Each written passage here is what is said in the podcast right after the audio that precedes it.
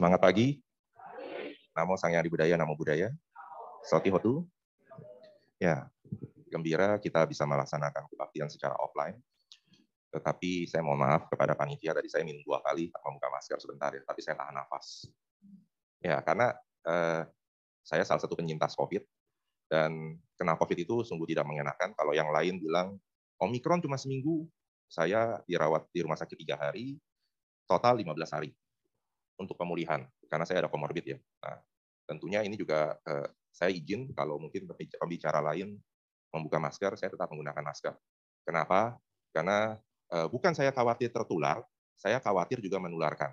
Karena sekarang sudah banyak kegiatan meeting secara offline, saya bertemu dengan banyak orang, dan hebatnya mereka semua membuka masker, walaupun saya berusaha tidak membuka masker, uh, bukan bukan terkena, tetap saya jaga.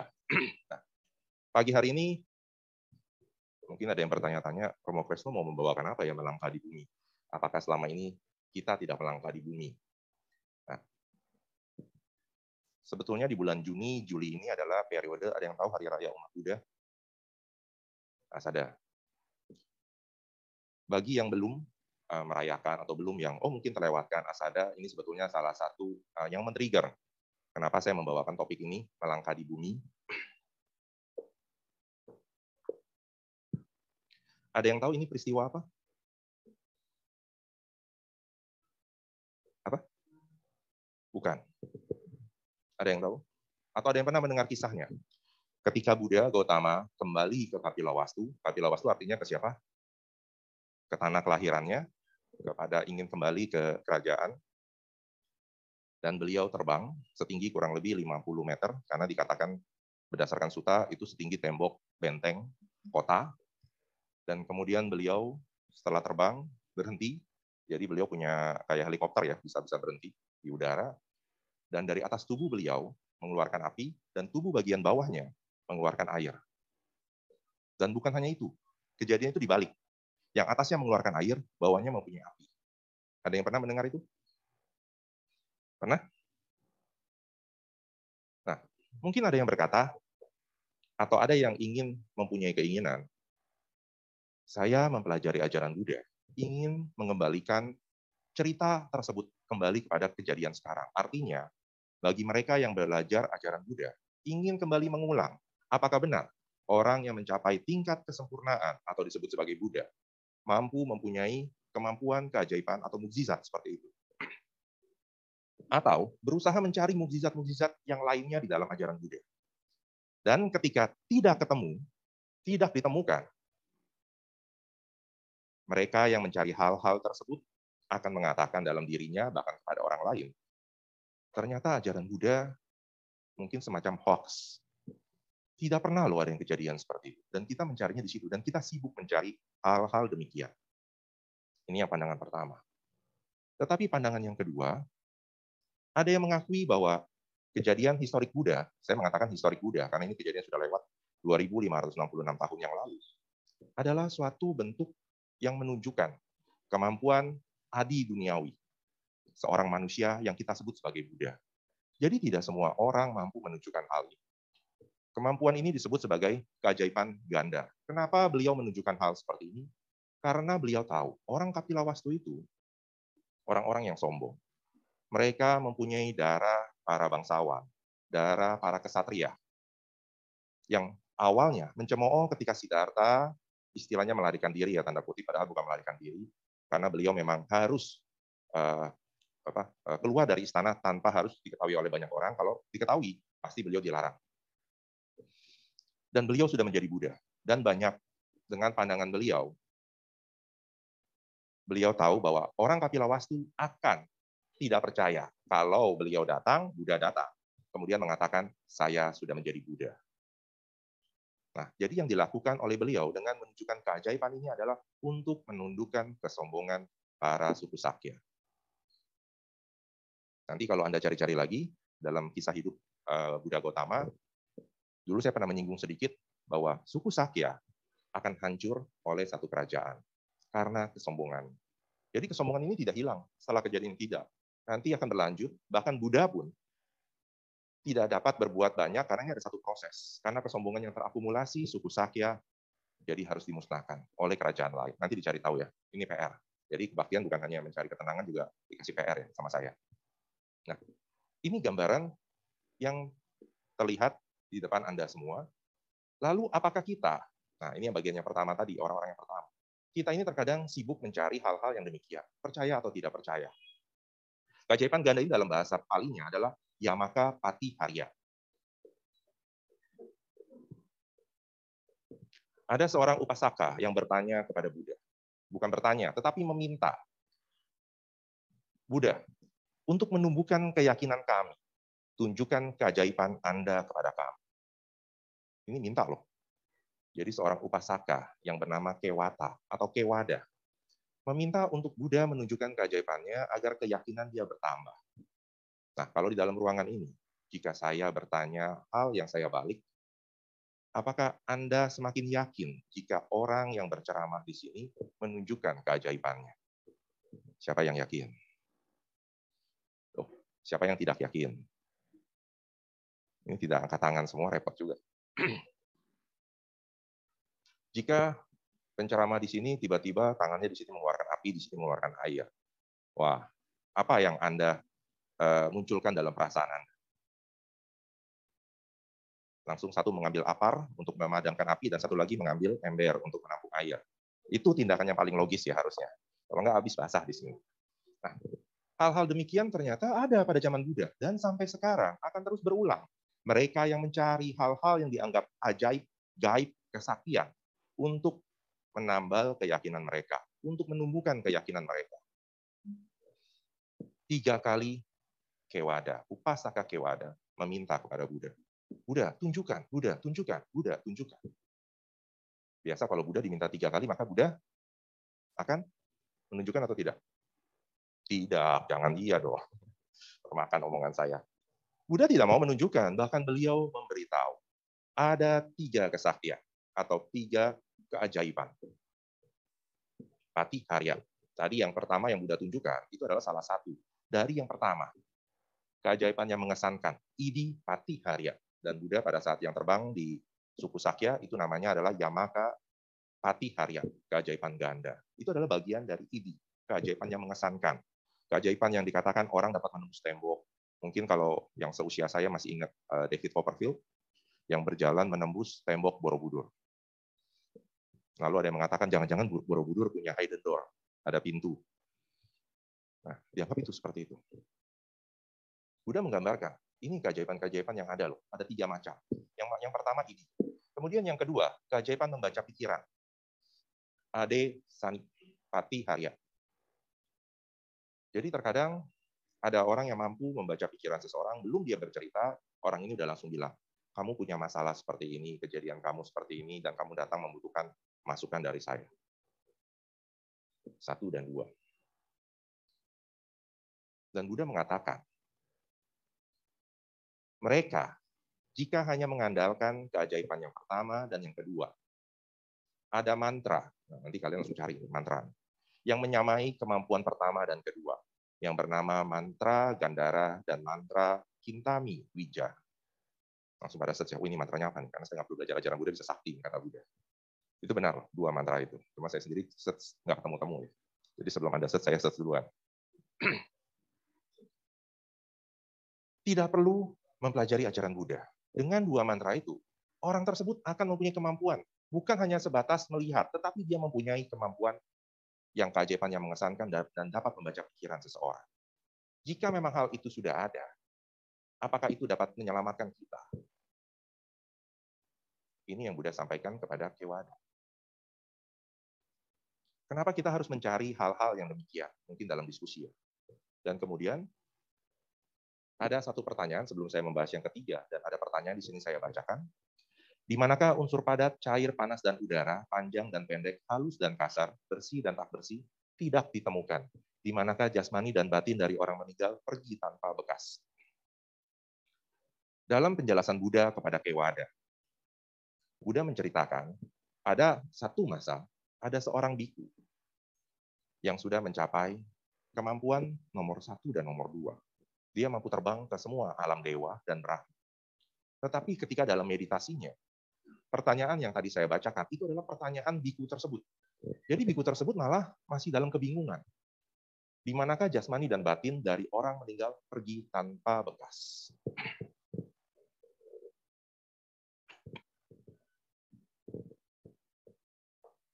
Dan dalam pencariannya, biku ini, ini biku ya, Bante, pergi ke alam dewa yang pertama, Catur Maharajika. Dia bertemu dengan empat pimpinan dewa, karena Catur itu empat, dia ada empat eh, dewa yang berkuasa. Dia bertanya pertanyaan serupa. Dan dewa tersebut mengatakan, oh mungkin kamu harus bertanya kepada tingkat yang di atas. Dia naik, saya nggak bisa sorot, mohon maaf ya, nggak ada pointernya. Dari Catur Maharajika naik dari yang di atas naik lagi sampai ke Dewa Yama. Dari Yama naik lagi sampai ke Tusita. Sampai ke Maha Brahma. Jadi kalau Anda perhatikan, 1, 2, 3, 4, 5, 6, 7, 8, 9 alam. Biku tersebut berjalan, bukannya mungkin bukan berjalan ya, terbang ya. Terbang atau menghilang. Memasuki setiap sembilan alam tersebut dan mencari pimpinan alam tersebut dan bertanya, ke mana empat unsur kehidupan, jadi Maha Buta, kalau kita ketahui yang bagi yang mendalami tubuh kita ini adalah susunan dari empat unsur. Ada unsur uh, padat, cair, udara, dan api, panas. Itu ke mana? Tidak ditemukan ketika seseorang meninggal. Dan ketika sampai ke alam Maha Brahma, beliau bertemu dengan Maha Brahma, biku ini.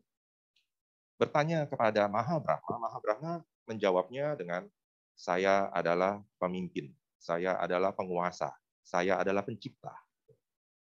Jadi kalau ditanya, ke manakah empat unsur ketika uh, tidak ditemukan, jawaban dari Maha Brahma ya sebatas itu. Menjawab nggak? Enggak kan? Karena dia mengatakan dia mengklaim dirinya, tetapi bukan jawaban. Ditanya kedua kali, jawabannya masih sama. Ditanya ketiga kali, jawabannya masih sama. Dan akhirnya Maha Brahma, mungkin ya mungkin, ini di sutasi tidak disebutkan, narik biku tersebut, lu jangan nanya yang susah-susah gitu. Mungkin seperti itu ya. Dan ketika beliau menarik lagi biku tersebut keluar, karena dihadiri oleh para Brahma yang lain? Hai biku, engkau mempunyai seorang guru, seorang Buddha. Kenapa engkau tidak menanyakan kepada beliau dan kenapa menanyakannya kepada kami? Jawabannya sebatas itu. Dan akhirnya biku tersebut dari alam maha Brahma kembali ke bumi dan bertemu dengan Buddha. Di dalam suta memang tidak disebutkan pada masa Buddha siapa. Tetapi Buddha Gotama menceritakan sekelumit kisah tersebut kepada Upasaka Kewani. Jadi hal yang bisa kita lihat, ternyata terkadang kita mencari, mencari, mencari, mencari, dan ternyata jawabannya ada di dekat kita, di dalam. Kalau di sini sebutkan di bumi. Jadi terkadang kita mencari hal-hal yang spektakuler di luar diri kita untuk dapat menyelamatkan kehidupan kita di bumi ini. Ternyata tidak sesulit itu. Kalau kita mau kembali mengingat kenapa kita bisa berada atau bukannya mengingat, ya, kalau mengingat mungkin nggak ada yang ingat, tetapi menyadari bahwa kita adalah makhluk yang beruntung, yang dapat menginjakan kaki di bumi. Kalau yang nonton film Susana, kakinya nggak menginjak bumi kan? Berapa senti itu kalau dilihat. Nah, ini kita termasuk beruntung. Dan kita terkadang melupakan keajaiban pada diri kita. Mukjizat yang kita miliki. Tetapi kita mencari mukjizat yang di luar. Sama seperti Biku tadi. Mencari sampai ke alam Maha Brahma. Dia tidak mengakui kemampuan dirinya. Padahal dengan dia bisa memasuki alam tersebut, kemampuan yang pertama, keajaiban yang mengesankan dia miliki. Mungkin yang kedua kurang. Dan apakah ini dapat menyelamatkan menyelamatkan biku tersebut? Ternyata belum. Dan di satu cerita-cerita lain, kalau ditanya, apakah dengan dua hal yang tadi kemampuan eh, dari tiga patiharia, yang pertama dan yang kedua, ini akan sangat bermanfaat bagi diri kita, terkadang tidak dapat digunakan.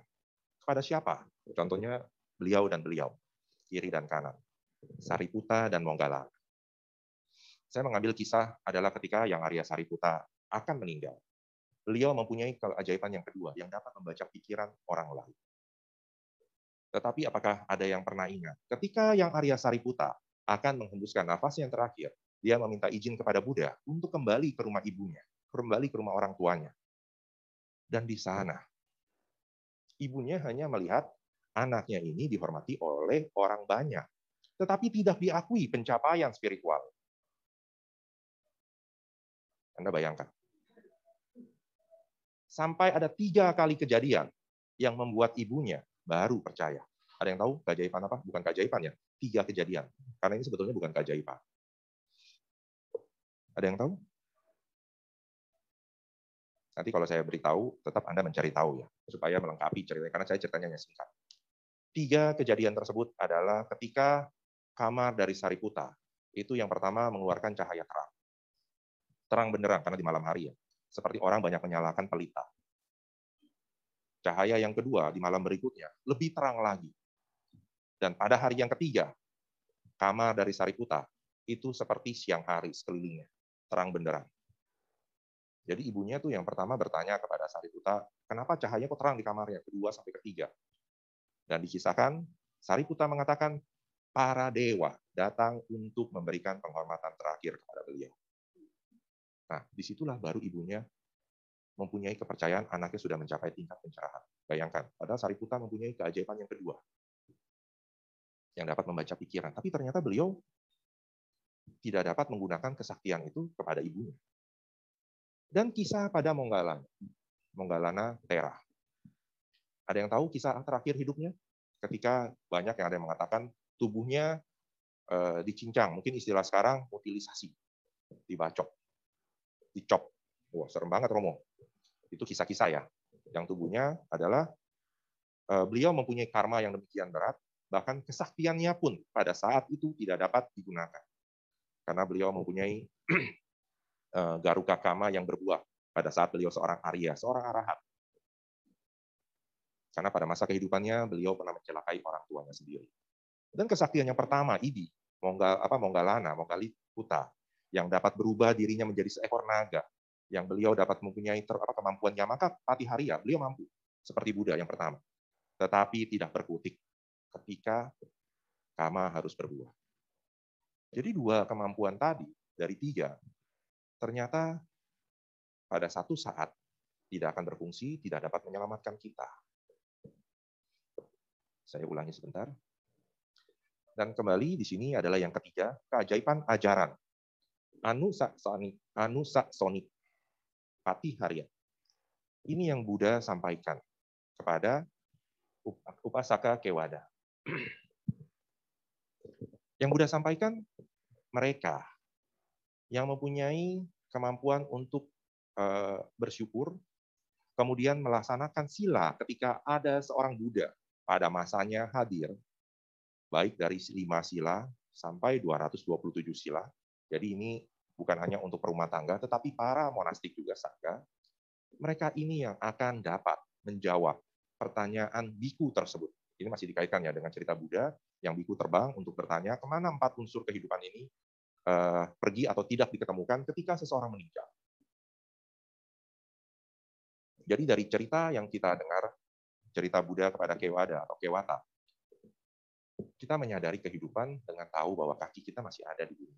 Jangan mencari sesuatu yang di luar. Jangan mencari sesuatu yang sifatnya, oh berpikir bahwa adi duniawi ini atau orang yang mempunyai kesaktian ini dapat membantu kita. Saya pernah membahas ini dengan beberapa rekan. Mereka yang mencari orang pintar, tanda kutip ya, orang pintar, artinya menyadari bahwa dirinya adalah sedang bodoh. Percaya nggak? Mencari orang pintar. Entah ya, orang pintar ini S2, S3, atau S7, atau S22 kayak Samsung ya. Kawan saya mengatakan mereka ini sedang bodoh loh yang mencari hal-hal demikian. Tidak menyadari kemampuan diri. Jadi yang kita bisa petik dari cerita ini adalah yang pertama, kita menyadari kehidupan ini dengan tahu langkah kita ada di bumi ini. Bumi yang kita pijak ini sama. Jadi jangan berkecil hati. Jangan ada yang beranggapan, saya belum sempurna latihan saya. Saya belum mencapai tingkat jana. Sama kok, saya juga sedang masih berlatih. Atau jangan tergiur dengan hal-hal yang tadi, ada orang yang mampu menunjukkan keajaiban yang mengesankan, yang lumpuh bisa berjalan, yang sakit bisa sembuh, saya dan kawan-kawan pernah sepakat, mereka yang mempunyai kemampuan seperti ini seharusnya dikaryakan di rumah sakit. Kan jadi biar orang sakit sembuh semua kan. Tapi kok enggak? Nah, hal-hal demikian yang Buddha sampaikan ada logika juga yang digunakan.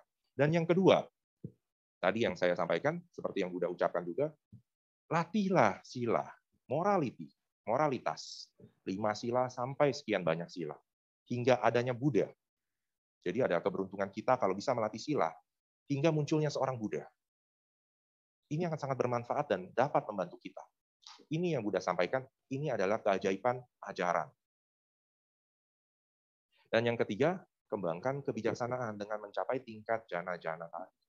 Jananya bukan hanya sebatas, karena ada yang mengatakan, Romo saya berlatih meditasi untuk berlatih, supaya mendapatkan jana, sehingga saya mempunyai keajaiban yang mengesankan. Karena memang dengan jana, seseorang dapat menumbuhkan bakat. Salah satunya apa? Di basota. Telinga dewa. Dia dapat mendengar apa yang tidak didengar oleh orang lain. Dibacaku, mata dewa. Dia dapat melihat jauh, bisa berkilo-kilo atau mungkin ratusan kilo dia bisa lihat kejadian yang sedang terjadi. Tapi kembali, apakah dengan hal seperti ini seseorang terselamatkan? Seseorang mempunyai kebahagiaan? Sesaat iya. Wih, hebat loh. Contohnya siapa? Yang berbahagia. Tapi enggak juga ya. Peter Parker, ada yang tahu Peter Parker? Spider-Man, ketika habis digigit sama laba-laba, dia kan tersiksa. Sensitif inderanya, sensitif terhadap tubuhnya. Tapi setelah dia memahami semua keajaiban yang muncul dalam dirinya, baru dia bahagia, ngegelantungan. Tapi apakah dia bahagia selamanya? Enggak, buktinya di salah satu kisah pasangannya meninggal. Dia menyesali dirinya tidak dapat menyelamatkan pasangannya sendiri. Jadi walaupun dengan mempunyai kemampuan itu, seseorang, seseorang tidak tentu dapat diselamatkan. Bahagia iya sesaat. Jadi dari cerita Upasaka kepada Upasaka Kewada ini, Buddha menerima tiga hal ini yang saya ringkas. Jangan cari jauh-jauh. Cari yang ada dekat kamu. Jangan tergiur dengan kemampuan gaib seseorang. Karena pada zaman dulu, para Brahmin, para Brahmana, justru menunjukkan keajaiban-keajaiban tersebut. Salah satunya, dia mampu duduk ber, bersila. Itu bukan berhari-hari lagi, bahkan bertahun-tahun. Kalau ada yang pernah mendengar cerita, ada seorang pertapa yang mengangkat tangannya. Seumur hidup pertapa tersebut, dia tidak menurunkan tangan. Sampai sekarang itu masih ada di India. Apakah itu dianggap sebagai keajaiban yang mengesankan bagi kita? Nah, ini akan kembali pada diri kita masing-masing.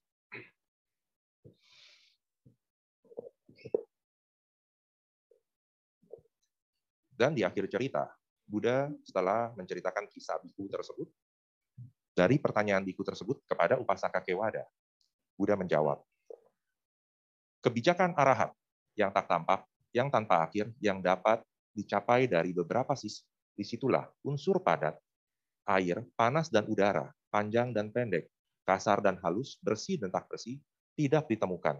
Di situlah jasmani dan batin dari orang yang meninggal pergi tanpa bekas. Bila mana kesadaran lenyap, hal-hal itu pun lenyap. Jadi kalau ada yang belum bisa menerima, kok jawabannya singkat demikian ya Romo? Sebetulnya Buddha ini menjabarkan tentang proses paticca samupada yang saling sebab-sebab yang saling bergantungan. Kalau satu rantai paticca samupada ini berhasil kita pegang, maka rantai keseluruhan itu akan terhenti. Dan ketika proses terhenti, kalau Anda kembali mengingat paticca samupada, di sana ada winyana kesadaran. Dan di situ pun jika terhenti, kita tahu bagaimana cara menghentikannya. Paticca samupada yang digambarkan seperti roda ini akan direm. Berhenti dia.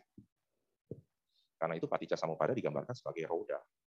Kalau masih ingat lagunya yang dinyanyikan Meta Salani, dengan 12 jari-jari dalam kehidupan, itulah roda kehidupan. Saya nggak bisa nyanyi ya, mungkin nanti kalau bisa nyanyikan.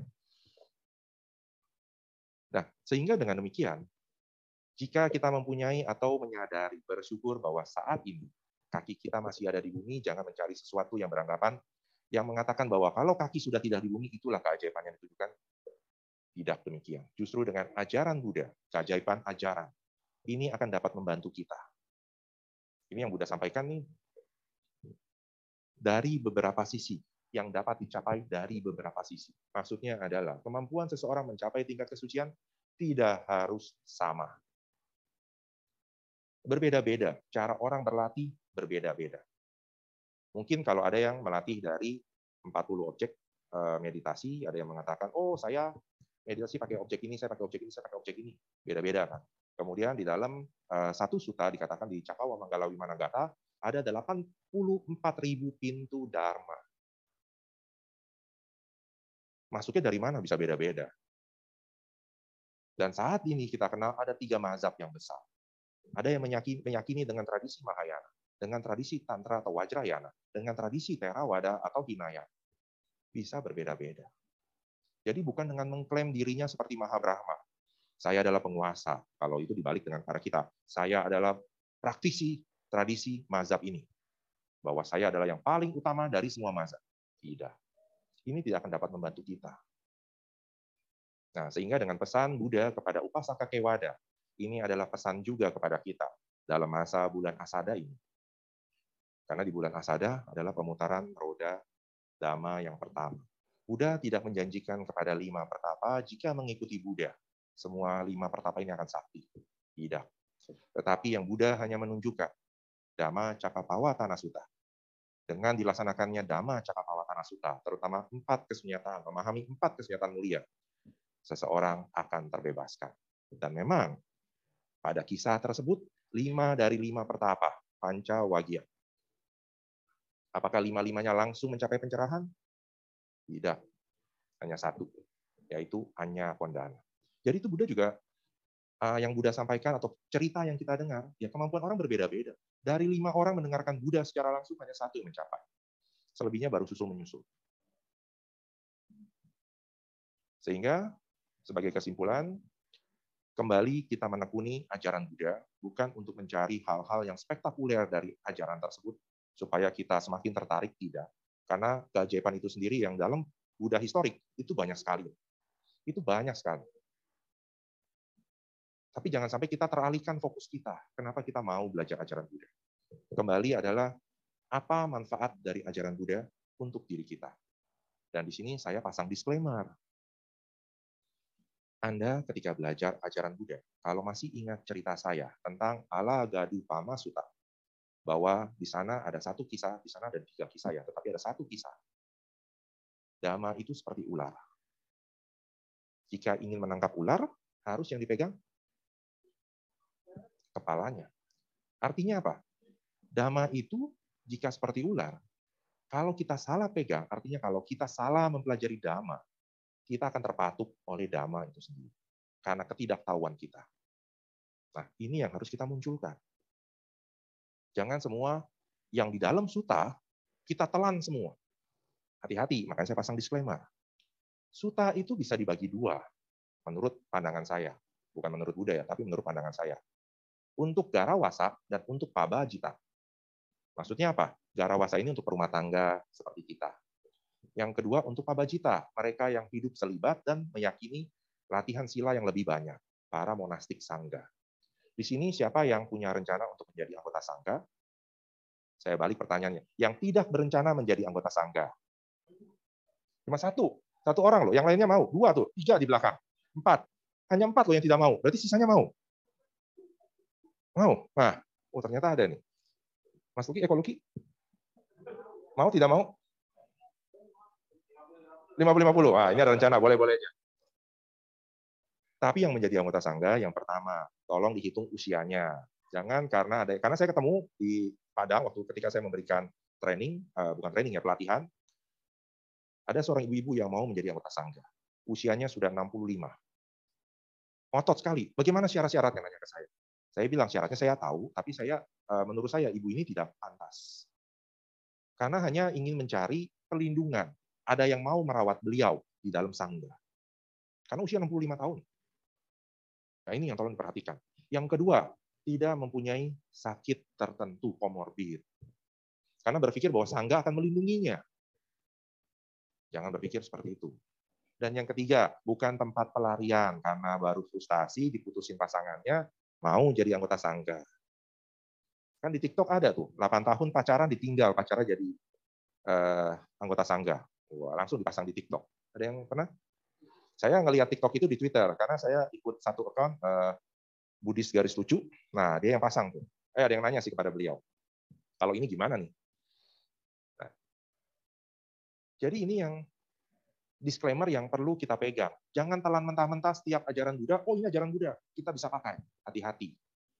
Ajaran Buddha bisa untuk perumah tangga, bisa untuk para samana, petapa. Kita ini siapa? Dengan menelan semua ajaran Buddha, tanpa kita cerna, tanpa kita ketahui tujuannya untuk apa. Hal tersebut yang membuat Anda menjadi dilema.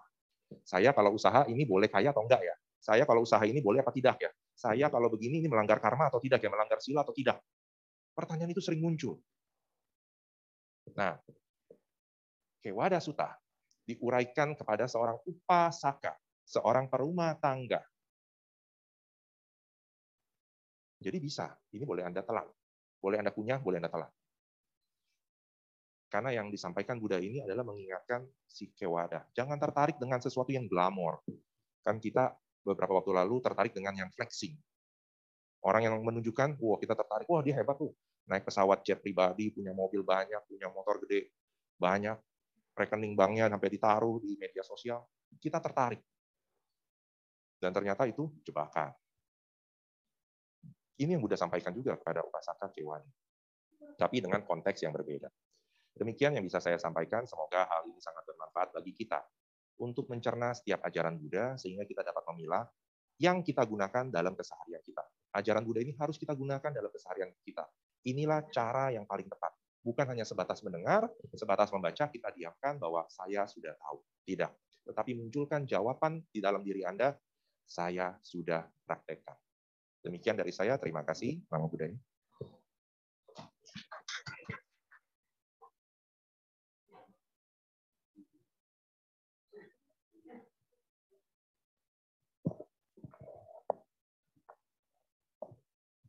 Baiklah, uh, demikian damai desanya disampaikan oleh Romo Krisno Budoyo.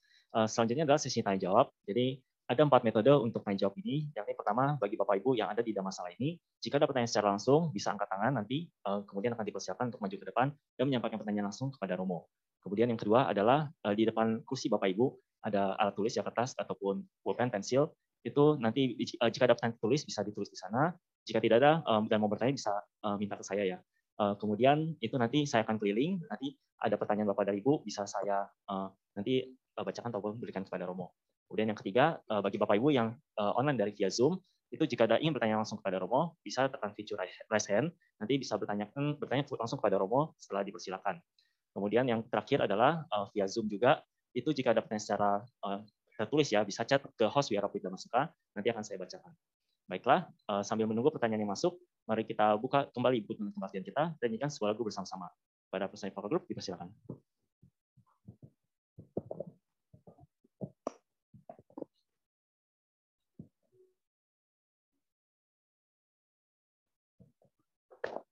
Marilah kita kembali menyanyikan satu buah lagu yang berjudul Di Dalam Damamu pada halaman 95.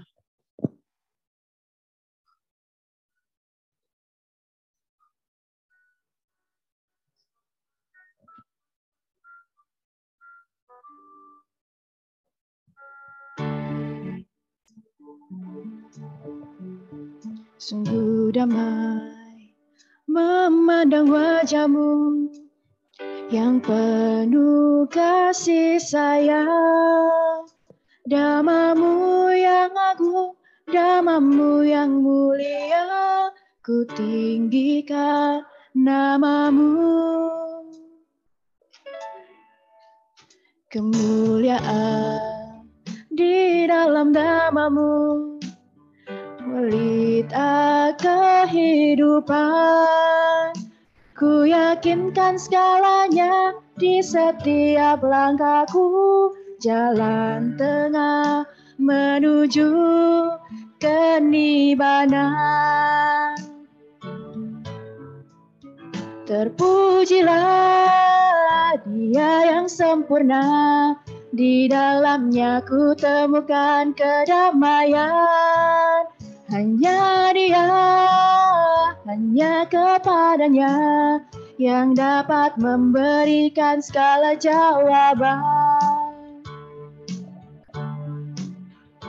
Muliaan di dalam namamu, pelita kehidupan.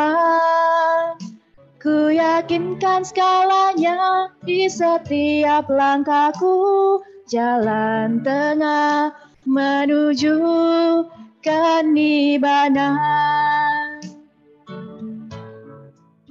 Terpujilah dia yang sempurna, di dalamnya ku temukan kedamaian. Hanya dia, hanya kepadanya yang dapat memberikan segala jawaban. Pujilah dia yang sempurna, di dalamnya ku temukan kedamaian. Hanya dia, hanya kepadanya yang dapat memberikan segala jawaban.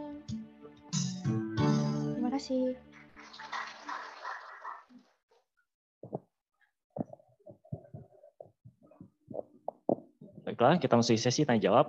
Apakah ada Bapak Ibu yang ingin bertanya secara langsung di dalam masalah ini? Kami persilahkan, angkat tangan saja. Baik, uh, belum ada juga pertanyaan tertulis yang masuk. Dari Zoom juga belum ada ya. Hmm, Dutiampi, ada, apakah ada yang mau ingin bertanya secara langsung di dalam masalah ini? Tidak ada. Tatiampi, apakah ada yang ingin bertanya secara langsung di dalam masalah ini? Tidak ada. Baik. Romo, boleh saya izin bertanya, Romo? Ya, terima kasih, Romo. Jadi saya uh, sekiranya ada dua pertanyaan uh, Romo ya. Jadi uh, pertama saya uh, itu ya ketika Romo menyampaikan dhamma itu yang uh, seumpama ular ya, saya jadi uh, itu ya memikirkan gitu. Uh, ini soal penafsiran bagaimana kita mempelajari dhamma Romo. Jadi misalnya kita membaca suta gitu kan, setiap orang kan punya penalaran masing-masing gitu kan, dan juga tingkat ibarnya kebijaksanaannya juga uh, berbeda-beda gitu. Jadi misalkan seorang membaca suta, mempelajari dhamma, kemudian misalnya uh, tingkat uh, kebijaksanaannya dia tidak tahu terukur sampai sudah seberapa dalam atau ataupun uh, apakah penafsirannya benar-benar yang sesuai dengan kebenaran atau memang hanya penafsirannya sendiri gitu loh. Jadi bagaimana caranya supaya kita tahu penafsiran kita ini tuh sudah sesuai dengan kebenaran atau belum ketika kita mempelajari suatu dhamma ataupun suta gitu. Jadi apakah Roma ada tips gitu kan? Apa yang harus kita lakukan ketika kita mempelajari suatu uh, dhamma ataupun uh, kita membaca suta, mendengarkan uh, ceramah juga gitu kan? Kita memastikan ini benar-benar ajaran yang uh, dengan penafsiran yang sesuai dengan kebenaran, bukan penafsiran yang hanya uh, dari pemikiran sendiri yang belum tentu benar gitu Romo. Itu yang pertama. Kemudian kedua Romo, saya uh, soal kemampuan membaca pikiran. Uh, apakah seperti uh, yang Arya Sariputa gitu kan? Itu yang mempunyai kemampuan membaca pikiran bisa juga membaca pikiran seorang Buddha gitu. Jadi apakah uh, juga diceritakan apakah ada momen di mana yang Arya Sariputa bisa membaca pikiran sang Buddha ataupun uh, ada pengecualian uh, punya kemampuan membaca pikiran kecuali Buddha gitu. Apakah ada demikian gitu Romo? Ya, itu saya. Terima kasih Romo.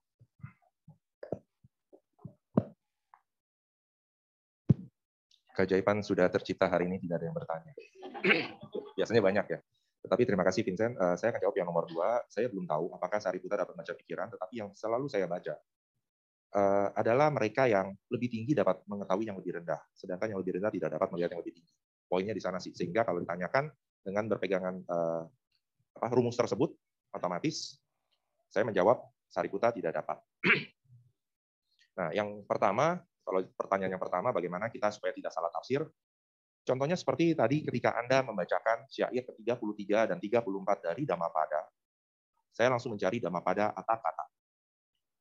Kan saya pernah membawakan bagaimana membaca suta. Nah, jadi supaya tidak keliru, dengan membaca Dhammapada, kita cari komentarnya. Komentarnya adalah kata-kata.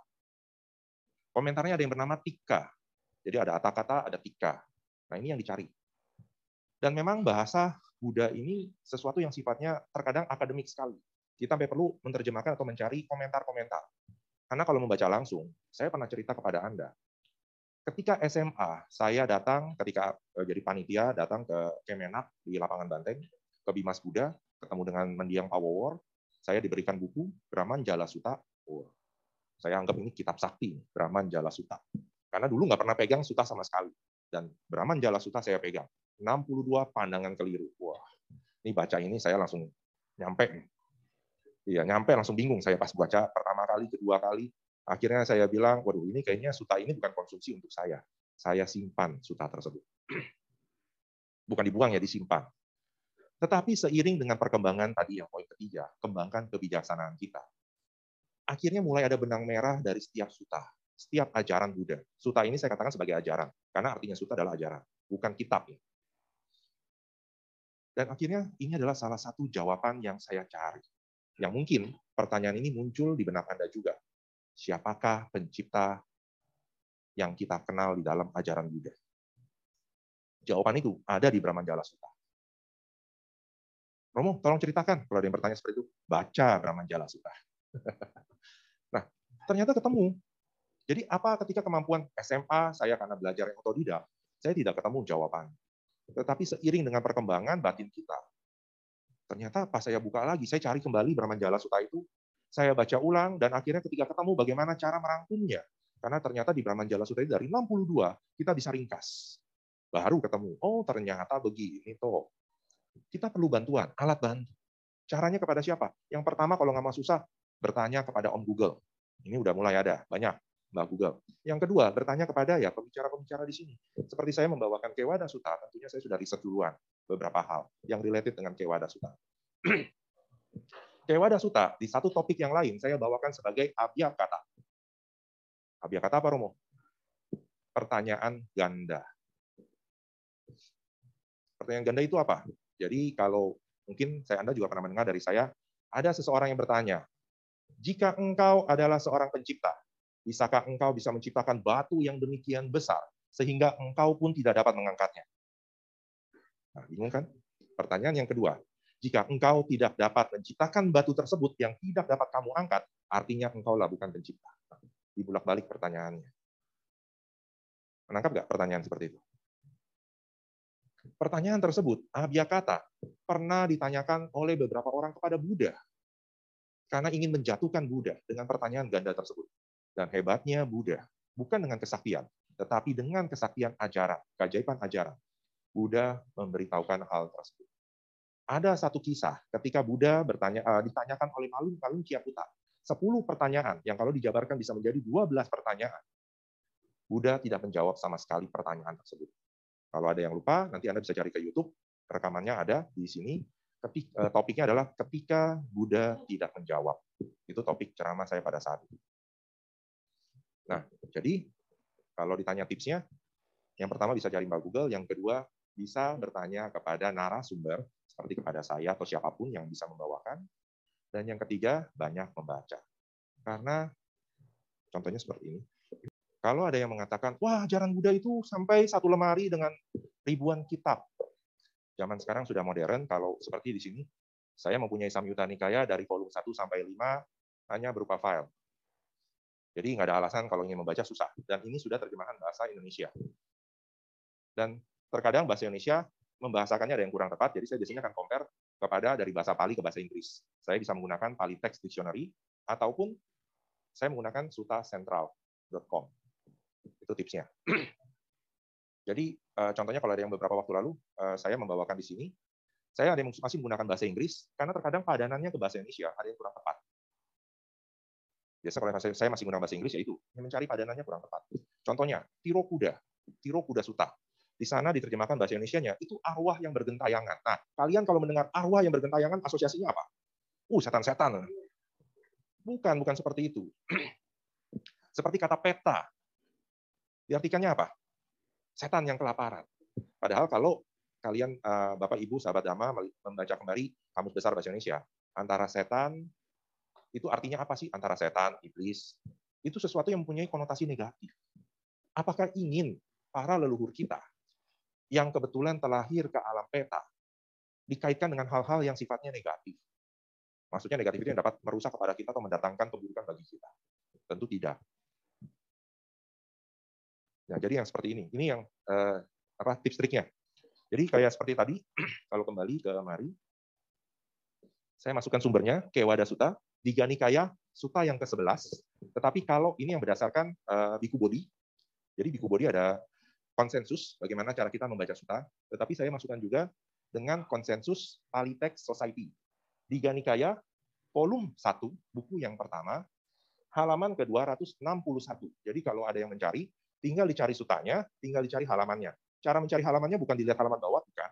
Tetapi kalau yang terjemahan bahasa Indonesia atau terjemahan bahasa Inggris, ya, keajaiban sudah terjadi sekarang. Ada pertanyaan oleh kertas. Terima kasih.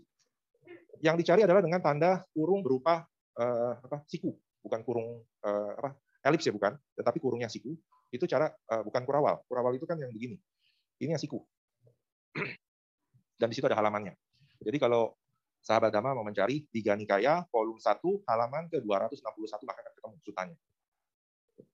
Jadi seperti itu. Jadi sumber-sumbernya reliable. Anda pun bisa mencari, bisa cross check. Jadi kalau ada yang sepertinya cerita Romo ada yang kurang, silakan baca ulang. Silakan Anda bisa merefleksikan apa yang Anda dengar sekarang dengan yang Anda baca. Kemudian nanti akan dipraktekkan seperti apa. Romo, apakah dhamma itu bersifat kekal? Kalau ditanya kekal, kita akan sulit membuktikannya karena kitanya sendiri tidak kekal.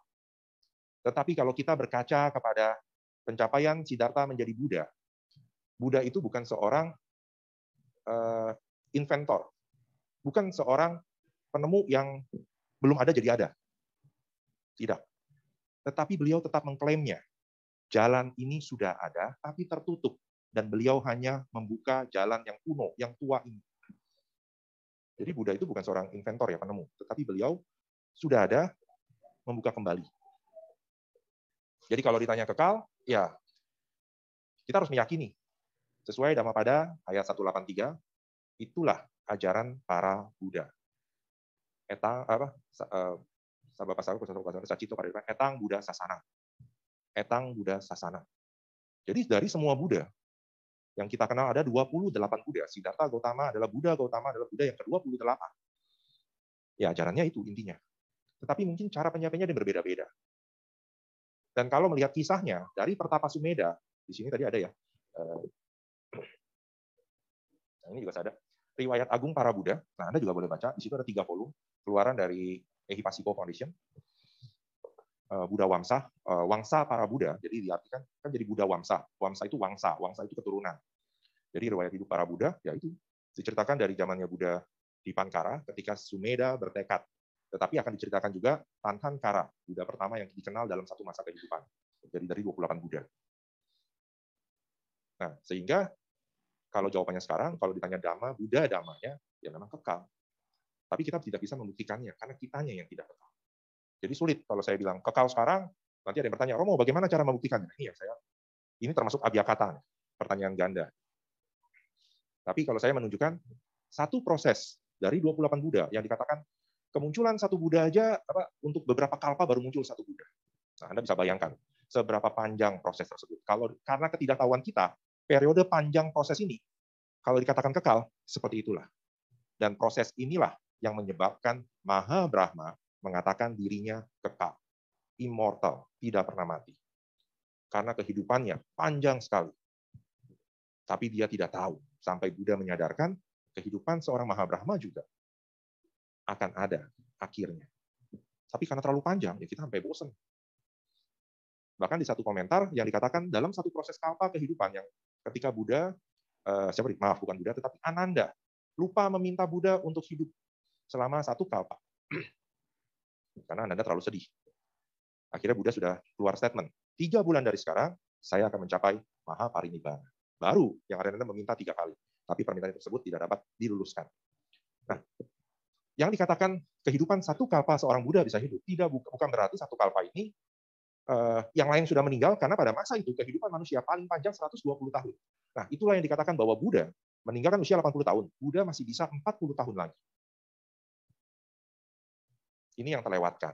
Jadi satu kalpa ini bukan berarti budanya uh, immortal, tidak pernah mati, kitanya belajar mati-mati terus. Nah, ini kan artinya yang dikatakan Buddha nih jadinya kok bertentangan ya? Kok budanya yang hidup, sayanya mati terus? Nah, bukan seperti itu.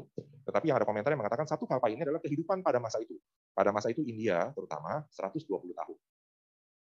Bisakah 120 tahun meninggal? Karena tapi kalau tidak salah 120 tahun meninggal. Yang harian Anda kalau tidak salah juga dikatakan 120 tahun. Rata-rata 100 tahun lah usia kita.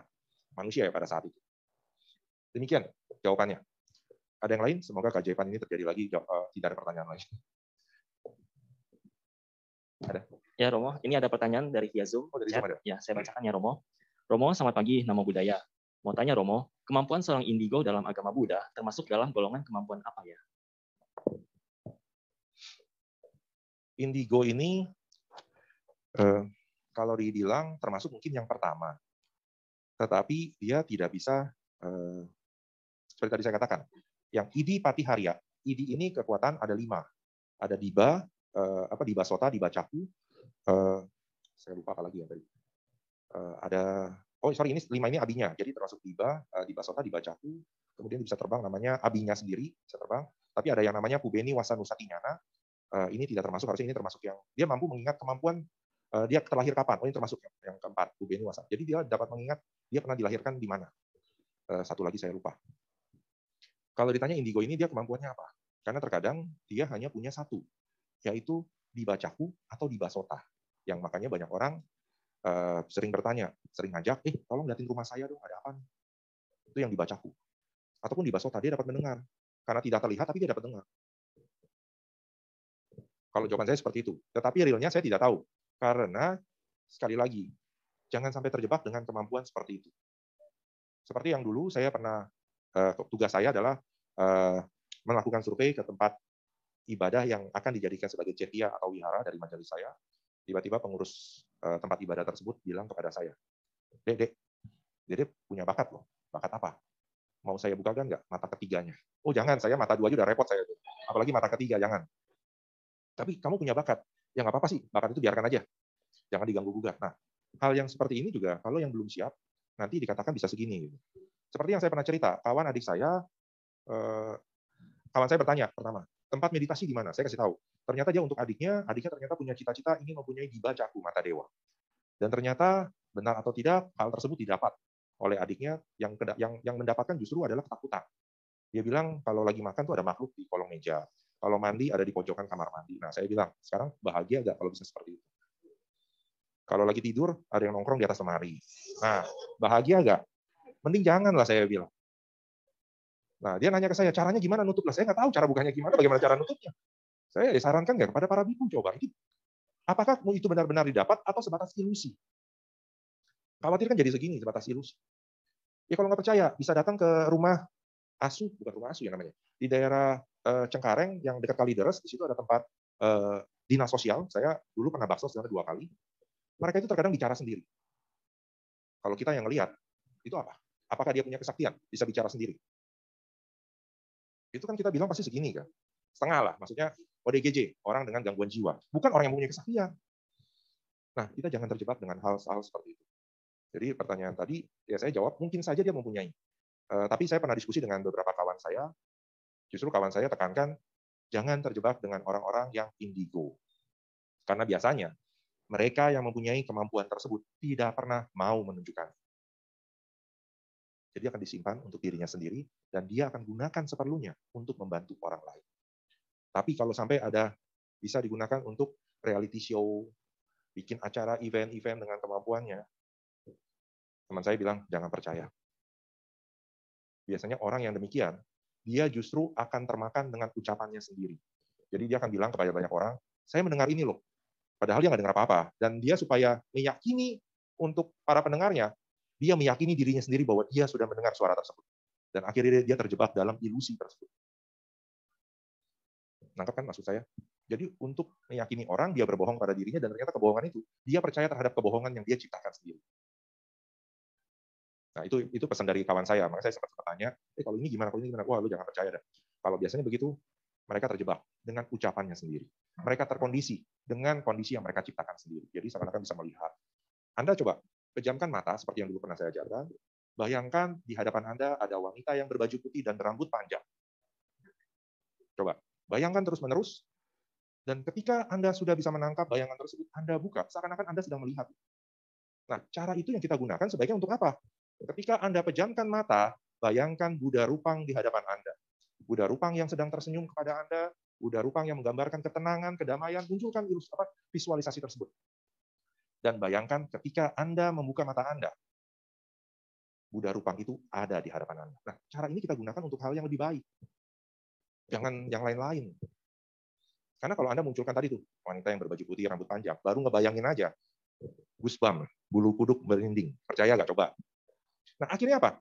Terkadang kita terjebak dalam ketakutan kita karena tadi. Secara tidak sadar, kita sugesti hal-hal tersebut ke dalam diri kita. Kita afirmasi ke dalam diri kita. Contoh, ada yang mengatakan kepada Anda, lu jangan pakai baju warna merah hari ini. Kenapa? Nanti ada hal yang tidak mengenakan terjadi. Kita nggak percaya.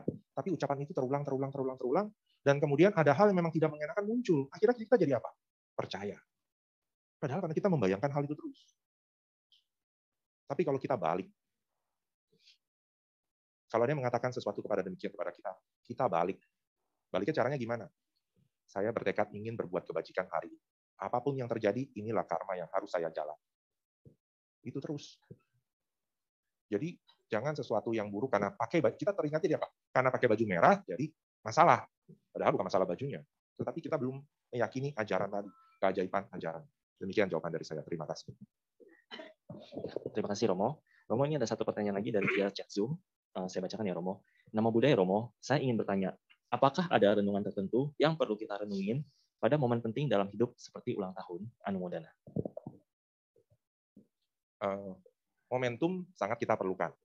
Jadi seperti yang Asada tadi saya meminta uh, Anda, saya refleksi terhadap ucapan Buddha kepada Kewada, Upasaka Kewada. Misalnya kayak ulang tahun, yang perenungannya bukan umumnya banyak orang yang uh, berdoa, afirmasi, aspirasi adalah untuk diri sendiri.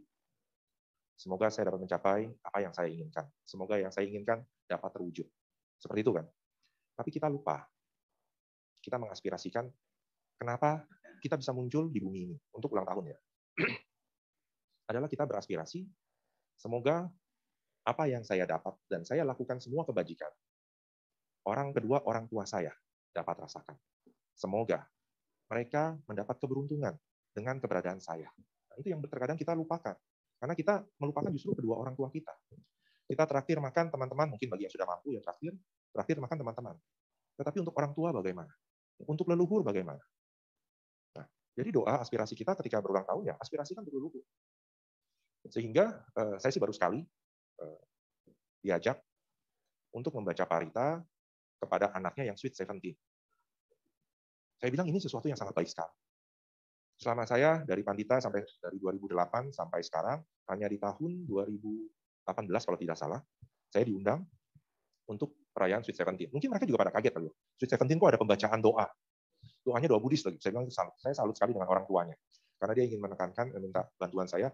Romo bisa tolong bantu gak ini supaya kan banyak anak-anaknya juga yang non Buddhis, teman-temannya, dan bagaimana ini bisa menjadi tradisi.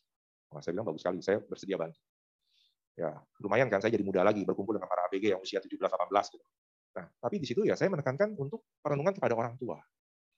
Perenungan beruntungnya kita sebagai manusia. Nah, ini yang penekanan-penekanan seperti itu. Momen-momen spesial ya nanti disesuaikan.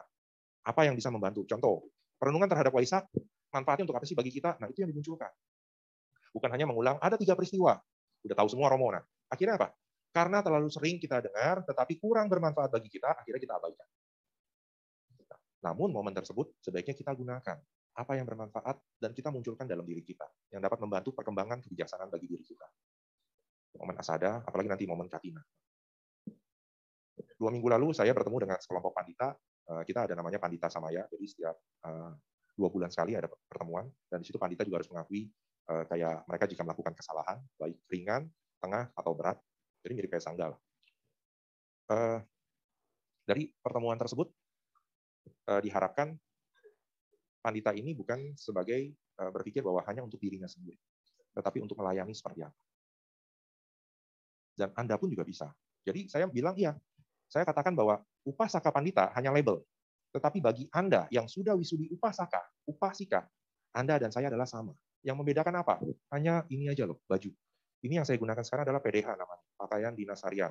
Saya ada pin di sini, ini bukan bukan berarti kalau Anda melihat saya, oh Romo sekarang jadi dokter ya, bukan baju putih-putih seperti ini PDH. Dan PIN ini karena saya duduk di dalam kepengurusan majelis. Jadi kalau Anda melihat ada yang menggunakan baju ini tetapi tidak ada PIN, dia hanya sebatas gelar pandita saja. Tapi kalau ada yang PIN, berarti dia adalah seorang pengurus organisasi juga. Nah, hanya sebatas itu. Tapi latihannya apa? Sama. Kita sama. Saya masih megang lima, tapi saya ada tambahan tiga lagi untuk pandita itu doang. Dan tiga ini karena secara organisasi. Tidak umum. Kalau Anda cari pandita sila itu tidak umum. Di Indonesia yang dikenal pandita, di tempat lain tidak ada. Nah, demikian yang bisa saya sampaikan. Terima kasih.